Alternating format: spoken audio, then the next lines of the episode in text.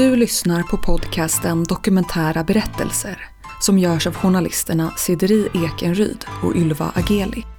Är du nyfiken på hela den nya säsongen av dokumentära berättelser?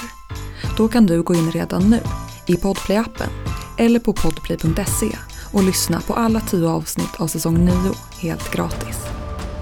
Den här säsongen handlar bland annat om hur det är att vara medlem i Hare Krishna, om röster från de döda, att sitta i häkte som oskyldig och såklart mycket, mycket mer. Så gå in på Podplay och lyssna på hela säsongen redan idag, helt gratis.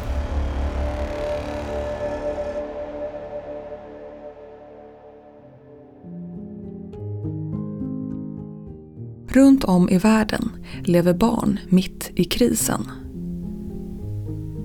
Den kan bestå av svält, naturkatastrof eller krig, för att nämna några. Till exempel räknar man med att ungefär 450 miljoner barn är på flykt i världen idag. Då, då har vi fått höra, då några av de här barnen sagt att så här, kan inte ni spela för våra mammor? För vi har aldrig någonsin sett våra mammor skratta. Några av dem får under en stund en paus i den tillvaron när de får besök av det här avsnittets huvudperson. Vi möter nämligen Björn som uppträder internationellt som clown för barn i krisen eller i kriget. De mutar bordellägarna så de här mammorna ska få ett par timmars ledigt. Och där samlas de här mammorna och barnen och ser vår föreställning. Och alltså jag ser mammor som rullar på golvet av skratt. För att lära oss mer om hur situationer ser ut övergripande över världen för barn pratar vi också med Carolina Göransson, humanitär rådgivare på Rädda Barnen i Sverige. Och det är alltid barn som är mest utsatta när det råder svält och eh, den här typen av kriser.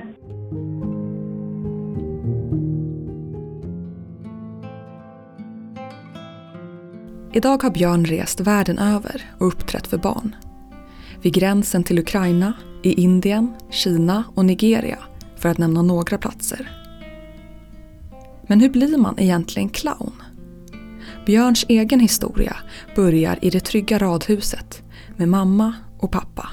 Och det var lilla syster och det fanns en Volvo och det kom en hund senare. Så, och liksom och jag spelade fotboll och gick fotbollsklass och skulle bli proffs, det blev jag inte. Ehm, och sen höll jag på med kampsport också. Och det, jag började träna jujutsu när jag var 11 och det var det roligaste som fanns. Och så att det var väldigt, på ett sätt väldigt liksom skyddat och, och, och så.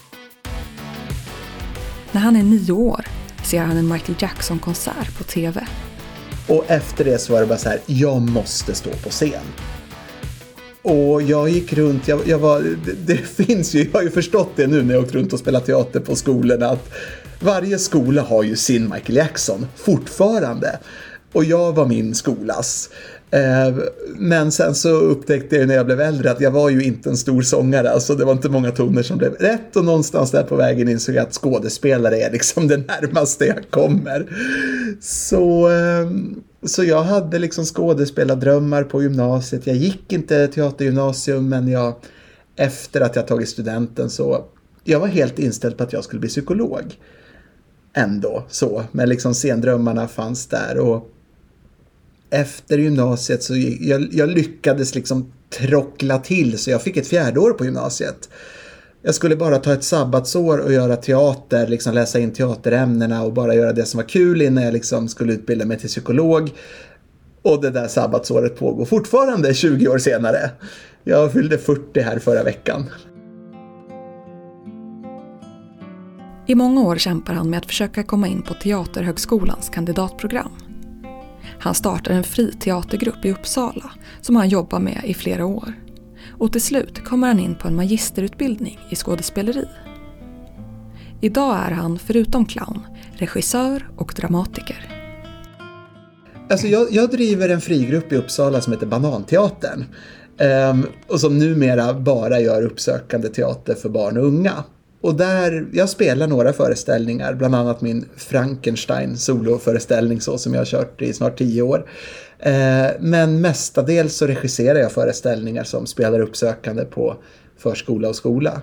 Så det är min grundinkomst. Det är liksom basen i, så, i mitt yrkesliv. Det är i Spanien år 1993 som Clowner utan gränser grundas. Till följd av kriget i forna Jugoslavien. Tre år senare startas organisationen i Sverige. Jo, men det var en spansk clown då som var i ett flyktingläger i, i före detta Jugoslavien. Och uppträdde, gjorde, gjorde barn glada. Och där träffade han Läkare utan gränser och tyckte coolt, jag är clowner utan gränser. Så han startade spanska Clowner utan gränser och de var ett gäng och körde och så var denna Nalle Lanela då i Sarajevo 1996 och spelade gatuteater. Eh, och stötte på det här gänget och tyckte hur coolt är inte det här, jag ska göra samma sak i Sverige. Och sen har det spritt sig så att nu finns det i 15 olika länder. Den stora barndomsidolen Michael Jacksons tankar om konst och underhållning följer med Björn i livet. Konst som ett sätt att föra världen samman. Och, och liksom Eh, konst och musik som ett sätt att, att göra människor glada. Och han var ju en sån som donerade väldigt mycket pengar till välgörenhet och sådär. Så att det här med att liksom konstens uppgift ska vara att hela världen det växte jag upp med. Sen tycker jag, alltså det är alltid svårt att referera till Michael Jackson, speciellt när man spelar för barn, för det finns ju så mycket mörker och sorg och äckligheter i den historien, men den biten hade jag ändå med mig. Så att för mig, alltså ända från när jag var riktigt liten så var det så här, varför ska jag göra teater? Ja, men jag ska ju förbättra världen. År 2002 är Björn i folkhögskola och har landat i att det är skådespelare han ska bli när han får höra om clowner utan gränser. Så Clowner utan gränser var, för mig var ju det svaret på väldigt mycket. Så här, wow, det är så här det ska gå till. Så det här är en rolig historia. Jag skrev till Clowner utan gränser och sa, jag är skådespelare, jag vill jobba med er. Och de svarade, okej, okay, vad kan du? För vi har inte ekonomi att bygga föreställningar utan vi tar artister som redan har ett nummer och så skickar vi ut dem. Och jag bara, ja, jag kan Hamlets monolog. Just då jobbar de mycket i Burma, de vill inte skicka Hamlet till Burma, det är jättekonstigt. Så jag gick ju liksom i nästan tio år och var så här, vad kan jag göra? Liksom för, vad kan jag erbjuda clowner utan gränser? Liksom, jag, hade ju, jag hade ju ingen cirkus, jag hade inte studerat clown, liksom. jag hade inget nummer. Och så började jag jobba med min gode vän Ropers Tillu eh, som då var, hade en magisterexamen i fysisk komedi, clown och, och jobbat mycket med Clowner utan gränser. Så. Eh, så han kastade in mig i sin clownföreställning, han hade ett solo. Björn och hans vän Rupers sätter ihop en föreställning om klimatflyktingar där Björn skriver och regisserar medan Rupers spelar. En föreställning för vuxna med ett sorts clownperspektiv på klimatkrisen. De åker på turné i USA. Och samtidigt tar Rupers med sig sin föreställning om clowner för barn. Och så sista dagen på turnén då vi är helt slut och vi har spelat och han ska iväg och spela på någon skola. Spela sin, sin Pop och the Clown. Och jag ska få sovmorgon. Men han väcker mig tidigt på morgonen, stirrar på mig och säger Björn! Did you ever do clowning? Och jag bara, no, I was in a workshop two hours, it was six years ago. Han bara, get in the car, find a clown costume, you're in the show today. Och jag bara, va? Då, då bor vi liksom hos Ropers kompis som jobbar på Unesco och bor i hans hus på landet. Jag springer runt i det där huset och försöker hitta något som kan bli en clownkostym. Och jag går in i den här snubbens sovrum och där är en stor tavla på när den här snubben äter middag med Barack och Michelle Obama. Och jag bara, den här snubben har ingen clownkostym. Så jag bara, Ropers, what should I do? Och då kommer han, då har han liksom ett par grodfötter som han använder i vår, vår klimatföreställning där. Och så har han en kungakrona som han har i en annan föreställning som han också har med, har med sig och bara Björn, you are the frog king, get in the car. Och så föddes Grodkungen och nu har jag spelat ungefär 700 föreställningar med Grodkungen. Vi har 10 miljoner besökare på TikTok. så, så, så föddes Grodkungen. Uh, I alla fall då. Då har jag och Ropers helt plötsligt den föreställningen, helt ihop improviserad på en skola i USA.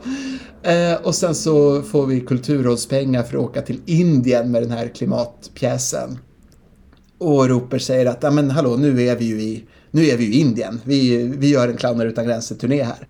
Och så fick jag äntligen åka runt med Clowner utan gränser.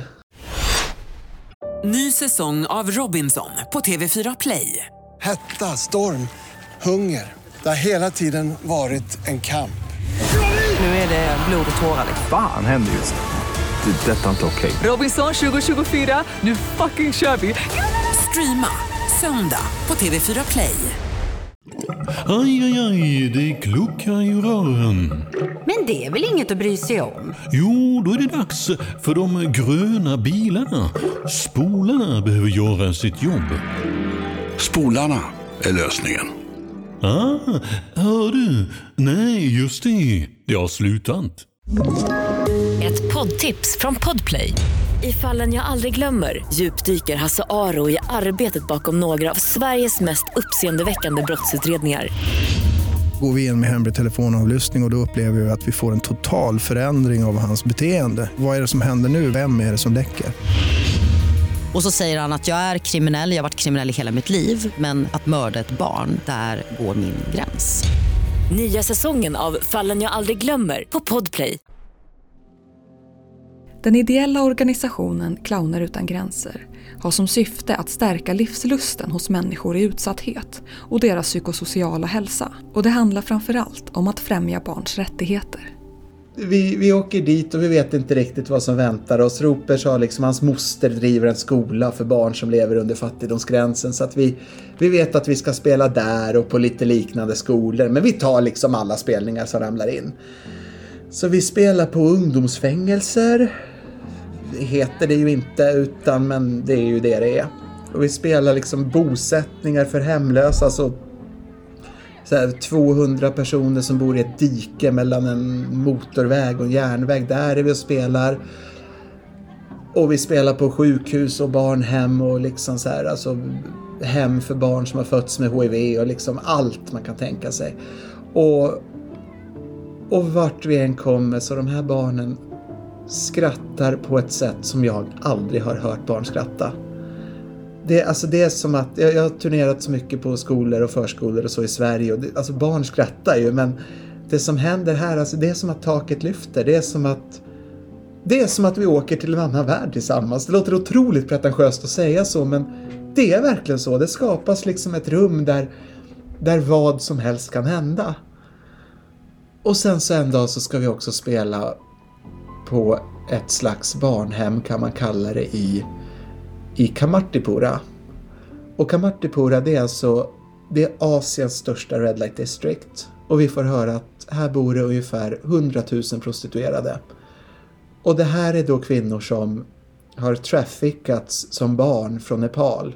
Därför att bordellägarna de vill inte ha kvinnor som kan språket för då kan de ju rymma. Så de, de eh, rövar bort barn från bergsbyar i Nepal och håller dem inlåsta och de får gå på gatan och, och, och sen får ju de också barn. Och de här barnen föds och växer upp på bordellerna.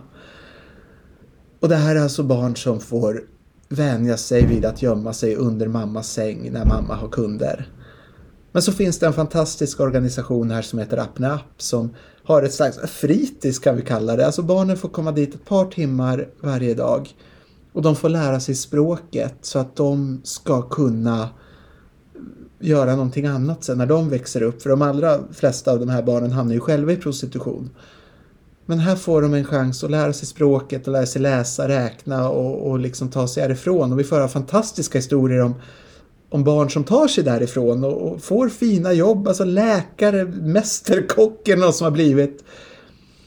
Och vi kommer dit och, och, vi spelar för de här barnen. Och de skrattar och det är så fantastiskt. Och sen så fortsätter det här projektet. Eh, så nästa år då åker vi spela för samma barn igen. Och sen tredje året då säger de här barnen att då, då har vi fått höra, då har några av de här barnen sagt att så här kan inte ni spela för våra mammor? För vi har aldrig någonsin sett våra mammor skratta. Så den här organisationen då, Appen App, alltså de, de hyr en stor lokal, de mutar bordellägarna så de här mammorna ska få ett par timmars ledigt. Och där samlas de här mammorna och barnen och ser vår föreställning. Och alltså jag ser mammor som rullar på golvet av skratt. Jag, jag ser mammor som står längst bak och håller upp sina barn på raka armar så att de ska få se clownerna. Och, och det, det är väl kanske det största jag upplevt. Och sen, så, och sen fortsätter det här, det tar liksom inte slut här. Vad som händer sen det är att, för så här är det att de här barnen på, på det här fritidset då, då, när det är fri lek, alltså de leker ju det de har upplevt. Så det här är alltså femåriga barn som, som leker våldtäkt. Men sen får vi höra att efter att ha sett, sett det här, och det här är alltså barn och, och, när de här barnen berättar, liksom, när man frågar dem vad vill du bli när du blir stor? Då säger de jag vill bli madam, jag vill bli bordellägare. För det är den enda referens de har till vad är makt, vad är pengar. Men vi får höra sen att nu har de här barnen, de har börjat leka clown.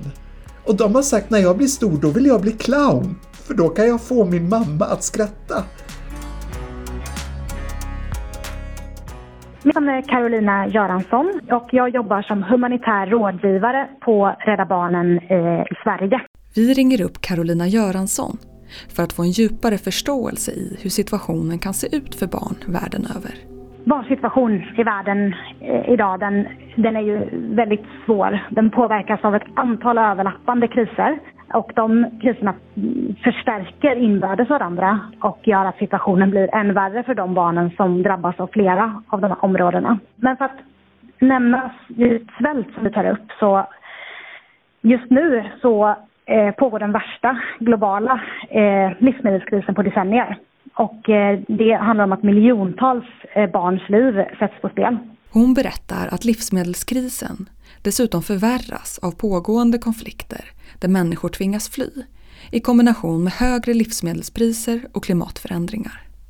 Och det är alltid barn som är mest utsatta när det råder svält och den här typen av kriser. Utan tillräcklig mat och, och rätt tillgång till näring och, och eh, så löper barn just en väldigt stor risk för att bli akut undernärda. Undernäring är fortfarande en av de, de saker som leder till att flest barn dör under fem år runt om i världen. Och det handlar om att det berövar livet på mer än en miljon barn varje år. Och det här är då någonting som, vi, som väntas drastiskt öka i takt med att, eh, att den här situationen förvärras. Så, så Ropers, vid det här laget har han flyttat hem till Indien och han kom ju på att vi ska skicka dit en dramapedagog. Så de får liksom en dramapedagog en gång i veckan som gör clownlekar med dem. Och de här ungarna de fortsätter ju liksom att leka det här varje dag själva hela tiden. Och de gör en föreställning. Så när vi kommer tillbaka år fyra då får vi se barnen spela sin föreställning för sina mammor. Och jag kan säga, alltså jag har aldrig gråtit så mycket i hela mitt liv. Jag satt där liksom och tittade på den här föreställningen. Det, alltså man är ju ett vattenfall. Men, och alltså, det, och det här har bara fortsatt, så de har gjort en till föreställning nu. De har gjort en clownföreställning, de här flickorna som nu är tonåringar. De har gjort en clownföreställning där de spelar män och, och liksom visar hur de har sett män bete sig. Och det, ja. Och den här har turnerat. De turnerar med den i Indien. De spelar för barn också clownföreställningar. Under pandemin har de spelat för 30 000 barn. De, har åkt till, alltså de har spelat den här föreställningen i Sverige, i Polen, det var på G med Tyskland men sen kom pandemin. Och liksom alldeles innan pandemin, då jag, jag var och hälsade på Ropers i Indien. Och han frågade, vill du åka till Kamattipura och träffa dem? Jag bara, ja! Så jag åker dit och spelar för dem och sen spelar de för mig och liksom att få se den här föreställningen, det var ju bara... Ja, jag, jag har inte ord. En annan eh, aspekt som, som drabbar barn eh, är det utnyttjandet som förekommer av barn. Att barn utnyttjas runt om. Det är en genomgripande fråga om mänskliga rättigheter och det påverkar eh, ett stort antal barn globalt. Särskilt eh, om man tittar på samhällen som drabbas av väpnade konflikter och andra humanitära kriser så ökar riskerna för, för barns exponering för våld avsevärt. Och det handlar om alla former av våld. Efter tiden i Indien startar Björn ett projekt i Kina som nu pågått i sex år. Spelar för så kallade leftover children, alltså barn som växer upp utan vuxna eftersom deras föräldrar är migrantarbetare. Alltså papporna jobbar i byggen i storstäderna helt rättslösa då för liksom de har inte det här stadspasset så de liksom inga försäkringar, inga, ingen skola, ingen förskola, ingenting. Papporna jobbar på byggen, mammor ofta på om man säger, massageinstitut inom citationstecken då. Eh, så vi har nått 20 000 barn i Kina och jag har också tränat upp eh, lokala skådespelare både i clownteknik och också hur man hur man kan åka och spela på en förskola, en skolgård utan en massa scenografi och så. De fortsätter nu. Barn, barn som har varit med om eh, den här typen av upplevelser, de... Vi hör Carolina Göransson igen. Hon berättar att just att få leka ger en paus i mörkret för de barn som lever i en utsatt situation. Vare sig det handlar om naturkatastrof, svält, flykt eller till exempel sexuell exploatering. En del av, av vad barn behöver är ju lek. Det, det, barn har ju, det, vi, vi, kan inte dela upp barn i olika behov. Liksom. Det, det, vi måste se det holistiskt. Och barn behöver lek och eh, en paus och ett sätt att få, få en trygg trygg stund där de kan, kan få vara barn. Eh, och det är något som vi också jobbar med, att, eh, att, eh, med trygga platser för barn där de får leka och måla och, och rita. Och eh, vara med, med vuxna som, som, som vet hur man kan hantera då om, om de behöver prata om vad de varit med om. Många av oss som jobbar med teater för barn och unga, vi pratar gärna om denna Alice Miller. Hon var ju då en psykolog som forskade i kan vi väl säga. Hur kan barn bearbeta traumatiska upplevelser så att det blir till någonting kreativt och konstruktivt? Och hon är känd för att hon jämförde Hitler och Picasso, deras barndomar hade väldigt många gemensamma nämnare. Varför blev Hitler Hitler och Picasso en framgångsrik konstnär? Och det Alice Miller då hävdar var ju att en väldigt viktig sak är det hon kallar för vittnen, alltså att det ändå finns någon där som ser barnet. Eh, och att det ofta räcker för att liksom ge en impuls till att bearbeta upplevelserna. Och många av oss som jobbar med att spela teater för barn och unga, vi pratar om det här att tänk om vår scenkonst kan vara det vittnet.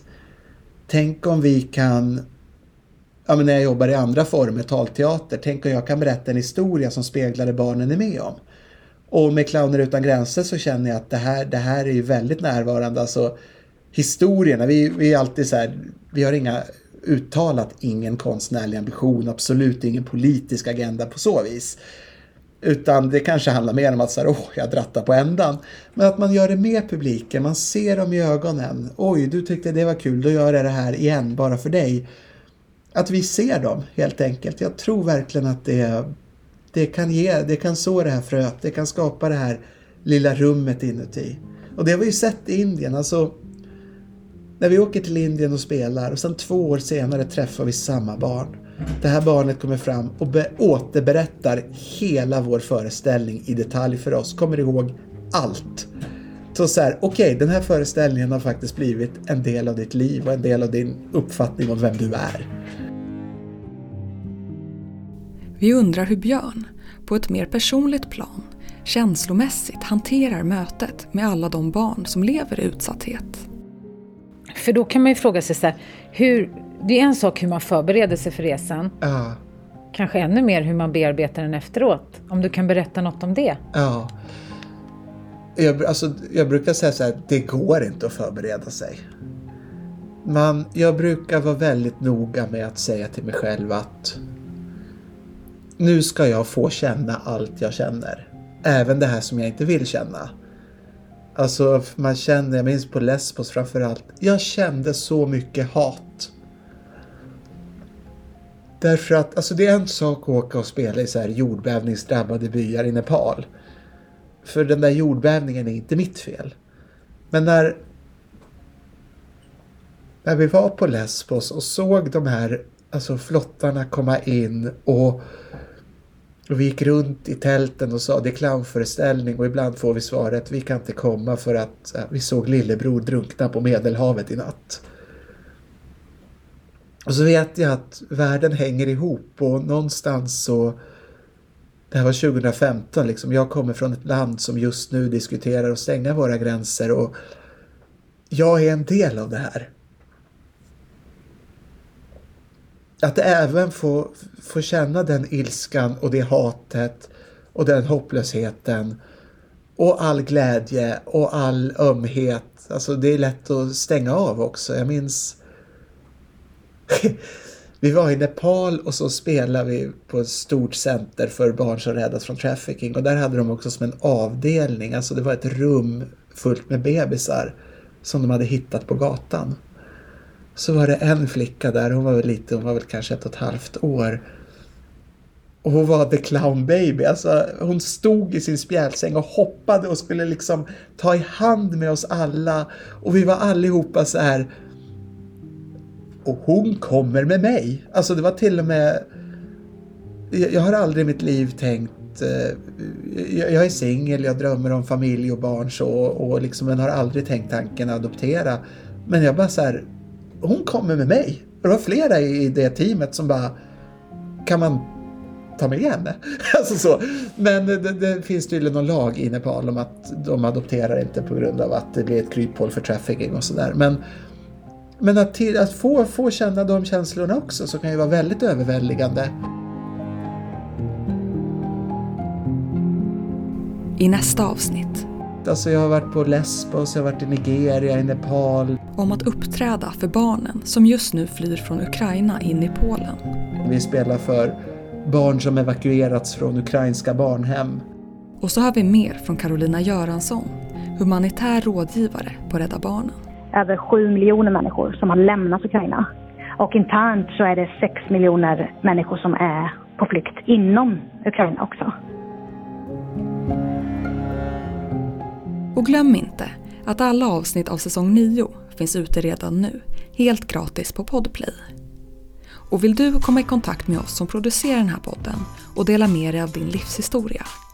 Mejla oss på kunskapsstudion gmail.com.